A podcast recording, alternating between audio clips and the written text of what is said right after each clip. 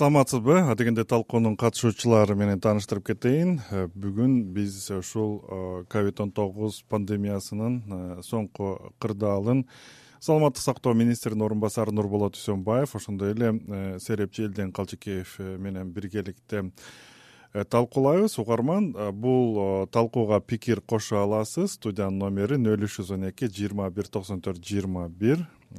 Анда ушул соңку сегизинчи февралдагы маалыматка ылайык бир суткада ковид он тогуз жана пневмониядан беш адам каза таап кырк эки кишиден вирус жаңы аныкталыптыр. Аларда бишкектеги эне жана баланы коргоо улуттук борборунда сасык тумоосу күчөп пневмонияга кабылган балдардын саны дагы өскөнү маалым болууда. Учурда бул ооруканада жүз элүү орундук бир блок өзүнчө бөлүнүп э, каралып жатат экен. Ушул боюнча пикириңизди маалымат берип кетсеңиз ушундай э, жаш балдардын арасында ооругандар э, чын эле өсүп атабы кандай болуп атат? Бул жаш э, балдардын арасындагы пневмониялар болуп аткан себеби бул сезондук жанагындай курч мүнөздөгү респиратордук вирустук инфекциялардын жүрүшү менен түшүндүрсө болот. Анткени мына ушул кездерде ушул айларда ушу январь февралда дээрлик жылда ушундай э, оорулардын саны көбөйгөндүгү байкалып турат. Бул боюнча ушу эпидемиологиялык баягы байкоо көзөмөлдөрдү жүргүзүп карап туруп атабыз. Ошол себептен мына бул дагы быйылкы жылдагы сезондук көтөрүлүш убактысы. Ошон үчүн бул балдардын арасында жанагындай пневмония оорулары да көп ошентип баягы өпкө сезгенип ошо дарылоо мажбур болуп аткан учурлар. Ошол мисалы ушул реанимацияда жаткан балдар дагы ушул реанимацияда жатканда ушул баардыгы ушул кичинекей балдар бейтаптар экен.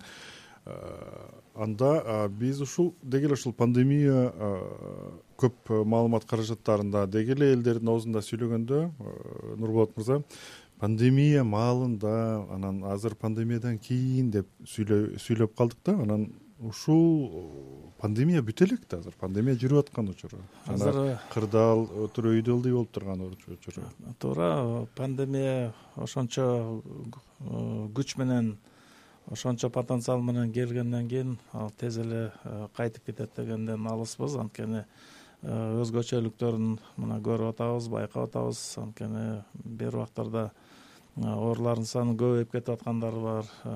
Дагы бир эки айлык бир мөөнөт менен басаңдап барып кайра дагы күч алып улам бир толкундап турганын мына дүйнө жүзү боюнча да байкалып атат. Мына бизде да кыргызстанда да ошентип э, эң биринчи албут толкуну ошол июль айларына туш келип калган андан август сентябрларда басаңдап барып туруп кайра октябрь аягы ноябрларда дагы кайра. Мына дагы бир толкунун э, баштан өткөздүк. Э, анан ошол эле учурда мына декабрь январь айларында дагы ошол басаңдагансыган э, тенденцияны байкап туруп атабыз. Бүгүнкү күндө да мына бир сутка ичинде өткөн суткада ошо кырк эки деп айтылып калды. Ошонун ичинен жыйырма жетиси лабораториялык тастыкталган учурлар. Демек пандемиядан толугу менен дагы чыгып кетти дегенден алыспыз. Анткени вирус дагы эле элдин арасында калк арасынан табылып циркуляция жүрүп атканын аныктап атабыз. Биздин студияда серепчи элден калчыкеев бар. Мына элден мырза сиз коронавирус пандемиясы учурундагы жоготууларды жана сырттан келген гум жардамдардын бөлүштүрүлүшүн иликтеген мекемеаралык комиссиянын мүчөсүсүз анан деги эле ушул соңку кырдаал боюнча Э, биздин э, республикалык штаб ковидке каршы э, күрөш боюнча жана ушул саламаттык сактоо министрлигинин ишине кандай баа берет элеңиз? Мына соңку солгундап кетти анан эч кандай бир көзөмөл да бошоңдоп кеткендей да элдердин арасында. Кадимкидей эле той аштар же болбосо массалык иш чаралар жүрүп эми азыр сиз айткандай туура эле азыр элдер кичине уже жеңилдеп калды уже коронавируска уже көнүп калды деп койсок болот да. Анткени биз баарыбыз күбө болуп атабыз уже тойлорго барып атышат и башка мероприятияларга чогултуп эле жүрүшөт. Анан маска кийгендер аз. Анан ушундай абал ошо саламаттык сактоо министрлиги өзгөчө оор кырдаал алып келет да. Анткени биз азыр эл түшүнүш керек. Бул деген э, бир эле саламаттык сактоо министрлиги э, жумушу эмес. Бул деген бүт элдер жардам бериш керек. Анткени жалгыз саламаттык сактоо министрлиги эчтеке кыла албайт мында. Эл жардам бербесе. Ошондо элдер туура түшүнүп ошо дистанцирование беш эле простой правиланы сактаса вот ошо кол жууп э, избегание мест скопления элдерди дистанцирование да ошондойлордун баардыгын сактап жүрсө ошол аябай чоң жардам болот эле. Анан сиз көбүнчө ушул мурдатан бери эле ушул эл аралык уюмдар менен чогуу иштешип жүрөсүз аны ушул акчалардын бөлүштүрүлүшү деги эле сарпталышы э, канчалык эффективдүү болуп атат кыргызстанда деги эле быйылкы жыл боюнча? Ну бул деген сиз айткандай ооба бизде көп э, жардам берген кыргызстанга ошо биринчи волна деп коебуз ушуну биринчи волнадан но бирок азыр ошол комиссия уже э, изилдеп атат анын баардыгын. Мен ал боюнча так айта албайм анткени мен башка блокто иштеп аткам ал комиссияда мен только эпидемиологический вопростор менен иштегенбиз да э, мына соңку маалыматтарга ишенсек кошуналаш өзбекстанга. Деги эле ошол коронавирустун жаңы штаммы тууралуу дүйнөдө эң бир э, мындай көп талкууланган тема да. Бизде эмнегедир ушул экинчи штаммга даярдык же болбосо алдын алуу иш чаралары жүрбөгөндөй сезилет да. Өзү эле деги эле эмне эмне маалымат бар бизде? Ошол өзбекстанда бир эле учур катталганы боюнча турабы же дагы башка учурлар катталып атабы бүгүнкү күндө мына кыргызстан даярбы ушул жаңы штаммдар чыга турганын бул бул оорунун жаңы чыкканда эле айтылган бул аябай мутация көп болот. Улам түрлүү штаммдар деген Э, пайда болуп э, улам бир кандайдыр бир машакатка түшүрөт деп. Мына ошондой шарт мына великобританиядан башталды. Э, ошол жерден биринчи ошо мутация болгон вирустун штаммын таап аныкташкан. Ошол эле бир эле вирустун ошол штаммда жыйырма үч мутациясын таап аныктап бүгүнкү күндө баягы изилдөөлөр дагы эле катуу жүргүзүп аткан учуру россия федерациясынан деле ошол жүрүп аткан баягы катталып аткан оорулардан чыккан вирустардын дагы бир жарым бир жарым миң мутация болгондорун карап көрүп дагы изилдөөлөр аябай күч алып аткан учурлар да. Ошол эле учурда мына башка мамлекеттер дагы ошо мутация болгон штаммдарды таап аткандыгын мына маалымдап атышат баягы түштүк африка республикасын айтып жүрүп атышат. Алда э, түрлүү мутациялар болуп атат. Австралиядан келген маалыматтарда дагы ошол э, мутация болгон вирустарды аныктап атышат деп маалыматыбыз болуп атат. Бирок жалпы мындай эпидемиологиялык көз карашты алып карай турган болсок ошо мына жаңы штамм деп атабыз. Э, бирок мына жыл айланды ошол эски вирустун ордуна ушул мутация болгон вирустар баягы орун алмашуу деген процесс жүрүп атат да бул жерде. Ошол э, алмашып келип э, биз убагында ошол жаңы штаммдардын деген өзгөчөлүктөрүн деген э, аныктап турушубуз керек. Бирден бир ошол милдетибиз туруп атат. Анткени мына великобританиядан чыккан вирустун өзгөчөлүктөрү деген бир эки көрсөткүч менен эле айтса болот. Мунун жуга турган потенциалы бийигирээк болуп атат бир жарым эсеге. Ошол эле учурда жанакындай э, тарап кетүү ылдамдыгы бир эки эсеге дээрлик э, бийигирээк болуп атат. Демек бул э, оорулардын санын көбөйтүп коюшу мүмкүн. Ошол эле учурда жанакындай кабылдап кетип жана башка көрсөткүчтөргө таасир биздин жарандар айрыкча ушул бириккен араб эмиратында жана түркия ушул мамлекеттеринде эс алып жана каттоо жүрүп атат. Аба каттам ушул көзөмөл күчөдүбү азыр бул боюнча да биз дагы аба каттамдарга катуу көзөмөл коюп мына дээрлик аябай популярдуу эмес бир шарттарга да бардык. Анткени келген биздин жарандар дагы ошол эле учурда башка мамлекеттин жарандары дагы толук жанакындай пцр анализди өтүп ошонун деген жыйынтыгын алып справкасы менен гана биздин бизге кире алат республикага. Бул өтө катуу тартип эгерде справкасы дагы срок өтүп же башкача шарт болуп калса дагы ошол э, аэропорттордо жанакындай биздин санитардык карантиндик көзөмөл пункттар бар. Ошол жерге атайын жанакындай анализ алчу пункттарды да ушул жерге жасап койгонбуз. Анкета толтурушат толук жанакындай көзөмөлгө алганга толук аракеттерди көрдүк. Мүмкүнчүлүк бар э. Рахмат угарман бар экен саламатсызбы? Алло саламатсыздарбы? Угуп атабыз атым жылдызбек мен конокторго мындай демекчимин да чындап эле бир жыл болуп калды. Бирок бир жылдан бери мына катуу болгондон кийин күн өткөн сайын биз ошону баягы кечеги эле оор турмушту эстен чыгарып атабыз да. Күн өткөн сайын азыр коронавирус десең эч ким таң калбай калып атат өзүбүз деле жүрүп атабыз мына чоң чоң гумдарга киребиз башка жака маршрутка отурабыз мындай эч бир талап кылган деле адам жок.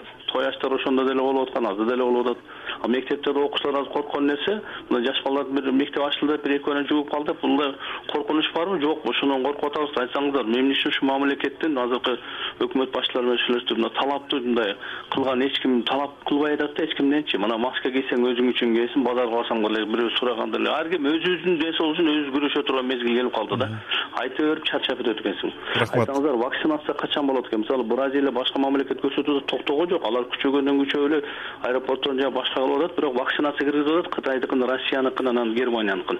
Бизге качан алып келет экен дейм да? Анан айтып атышат эгерде биз ошо жашап аткан калктын жетимиш процентине жакыныраагын вакцинация кылсак ошондо гана толук кандуу эме болуп атат деп жыйынтык чыгарсак болот деп кечээ айтып атат телевизордон ошондуктан бизге качан алып келет кайсы версиясы болуп атат ошол жөнүндө да кичине маалымат айтып койсо. Антпесек мына үчүнчү волна болот деп атат мартка мен мындай биз мындай темп менен барсак урматтуу министрдин орун басары. Эч оңой болбойбуз да. Эч ким талап деле койбойт эч ким деле көзөмөлгө албайт ал сизге койгон үч миң штраф ал элдин шермендеси да булчу. Ошондуктан өзүбүздүн өзүбүзгө ден соолугубузду өзү талапты катуураак койбосок биз эл кыргыз эли ушундай экенбиз мындай бош экенбиз да.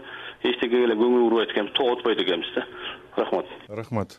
Бул аябай орчундуу суроо анткени мына дагы бир жолу кайталап кетели элден мырза айткандай саламаттык сактоо системасын кандай күчтүү даярдык көргөн күндө дагы эгерде өзүбүздүн коомчулук өзүбүздүн элибиз ошого мындай Э, кубаттап кошо биз чогуу аракет э, көрүлбөсө деген. балким эл э, көзөмөлгө же болбосо катуу чараларга үйрөнүп калгандыр ошону талап кылып аткандар. Сөзсүз бирөө кий бол кирбе ойномо деп турган элден мырза кандай эмне ушундай эмне деп коет эле жана полиция эмесин өтөбүзбү биз ошо комиссиянын ичинде ошондой эле талаптарды караганбыз. И одно из решений было как раз таки ошо штрафтарды киргизүү да. Но бирок бул аябай непопулярдуу мера да.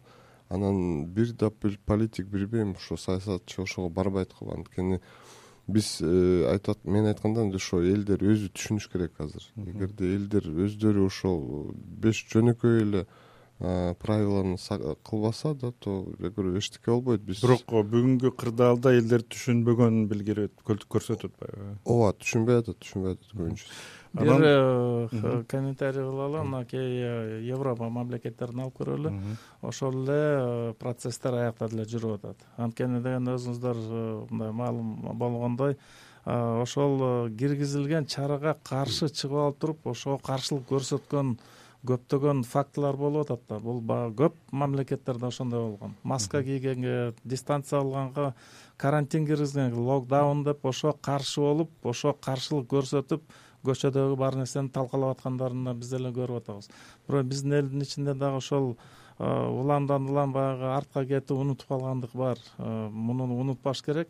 Мына бүгүнкү күндө дагы эле ошол фактылар болгону менен каршылык көрсөткөн менен жалпы эл ошол тартипке көнүп отуруп мына дүйнөлүк саламаттык сактоо уюму бүгүнкү күндө деген ошол э, коронавирустун мындай э, темпи деген бир аз басаңдаганды деген белгилеп атат. Анткени ошол локдаун киргизип тартипке көнүп эл деле баары бир уландан улам э, түшүнүктөр көбүрөөк болуп ошого макул боло баштаган жерде мынакей оорунун саны азая баштайт. Анан дүйнөдө ушул коронавирус жуктуруп алгандардын саны жүз миллиондон ашыптыр да адам. Анан бул жалпы дүйнө калкынын бир бүтүн ондон үч пайызынан көп экен.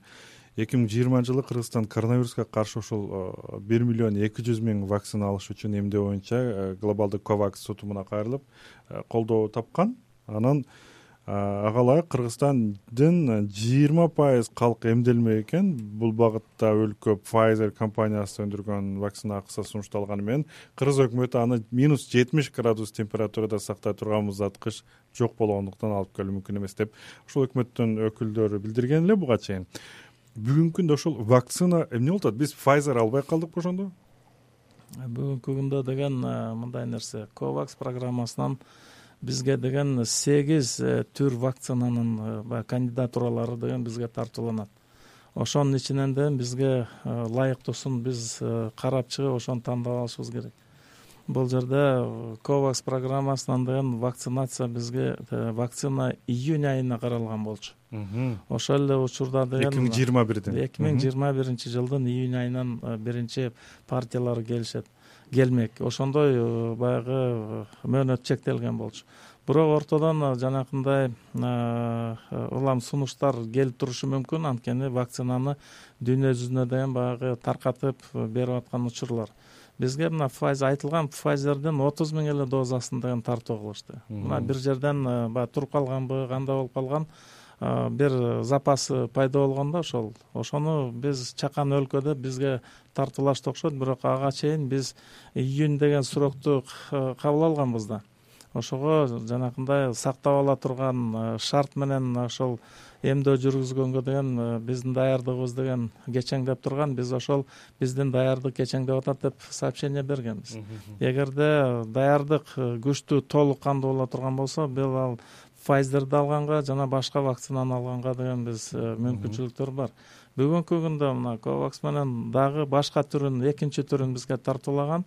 Астразенекада бул э, англиядан э, оксфордский университет жасалган вакцинаны карап чыгып ошонун деген бир беш жүз миңдей дозасын деген бизге ушуну карап көргүлө деп биз ошол маселенин үстүнөн азыр иштеп атабыз демек акыркы маалымат боюнча биз азыр э, вакцина келе элек э кыргызстанга? Азыр бүгүнкү күндө вакцина келе элек россия чыгарган вакцина боюнча эмне болуп атат? Россия чыгарган спутник ви менен да бул боюнча дагы каттарды жөнөтүп биз жолдогонбуз. Бирок ага деген официалдуу түрдө баягы жооп кайтарыла элек. Анткени бул вакцинаны сатып же мындай бөлүп чыгарып берүү өтө бийик деңгээлде саясий чечим менен э, иш алып барылып атат азыр сиз кандай ойлойсуз ушул вакцина боюнча элден мырза? Кыргызстан э, тезирээк вакцина алып э, карыз кабыл болсо да алып элди эмдей бериш керекпи же кандайдыр бир дагы жеңилдиктерди же болбосо дагы бир сунуштарды күтүш керекпи? Ооба эми вакцинация боюнча менин өз пикирим бар эле ошо мен бүт вакциналарды колдойм этот есть такой обязательный календарь прививок дегендерди это вот столбняк там дифтерия да ошонун баардыгы. Бул аябай эле э, жакшы нерсе. Анткени э, человечество вот ушу ошол инфекцияларды э, утуп алган да победило. Но бирок вот ошо жаңы келаткан вакциналары тоже кичине немем бар сомнение потому что анткени инфекция жаңы болуп аткандан кийин азыр илимпоздор жаңы эле изилдеп атышат ал немени инфекцияны анан вакциналар да жаңы чыгып атат. Аны дагы бир жакшы карап туруш керек да. Ал биринчиси а экинчисиден мисалы тетиги грипптин вакцинасын тоже ал деген аны да колдонуп жүрөбүз да көптөн жылдан бери да. Но бирок аны тоже эффективность тоже там нужно еще оценивать. Анткени процент по моему очень низкий. И конечно же я бы отдал бы на своем месте предпочтение ушул немеге пфайзерге бермекмин потому что пфайзер все таки неме очень продвинутая фирма ошол дүйнө жүзүдө мисалы ушул э, кичинекей э, мамлекеттер анын ичинде ошол э, колдоого муктаж мамлекеттерге бөлүштүрүү жөнүндө көп айтылып келет да. Деги эле ушул канчалык деңгээлде бизде ушул Э, эмдөө боюнча жардамдар э, каралып атат каралды кайсыл уюмдардан? Мисалы акш э, өнүктүрүү эл аралык өнүктүрүү агенттиги юсаид деп коебузбу коронавирус менен күрөштө кыргызстанга беш миллион доллардан ашуун каражат берилгенин мындан ары да кызык кызматташтык уламдарында айткан экен ошол муздаткыч боюнча дагы. Деги эле ушул кийинки эмени айтып берсек мындан кийинки этапта. Э, мындан кийинки этапта эми э, бул дагы аябай э, жанагы материалдык чыгымдар көбүрөөк боло турган процедура. Анткени эмдөө жүргүзүүгө дагы сатып алууга да туура келет. Мамлекеттик бюджеттен дагы акча каралып турган шарттар бар. Буга дагы биз тийиштүү баягы эсеп сапаттарын жүргүзүп туруп финансы министрлигине өткөзүп да карап бул иш жагынан ишти да алып барып атабыз. Ошол учурда мына өзүңүз айткандай жетимиш сексен процент калк эмделиш керек деп эсептейбиз. Ошол эле учурда мындай санап карап көрөлү алты жарым миллион адам анын ичинен деген бизде бир жаштан он сегизге жашка чейинки балдар эмделбейт. Бул дагы бир дээрлик канча пайыз эки миллион адам бул балдардыкы. Ошол эле учурда калган төрт жарым миллиондон ушул дагы жыйырма проценти дагы эмдөөдөн тышкары болот. Анткени оору сыктоосу бар башкасы бар жашы дагы алтымыш бештен өйдө болгондорду дагы э, санабайбыз ал дагы дээрлик дагы бир канча эмеси бар.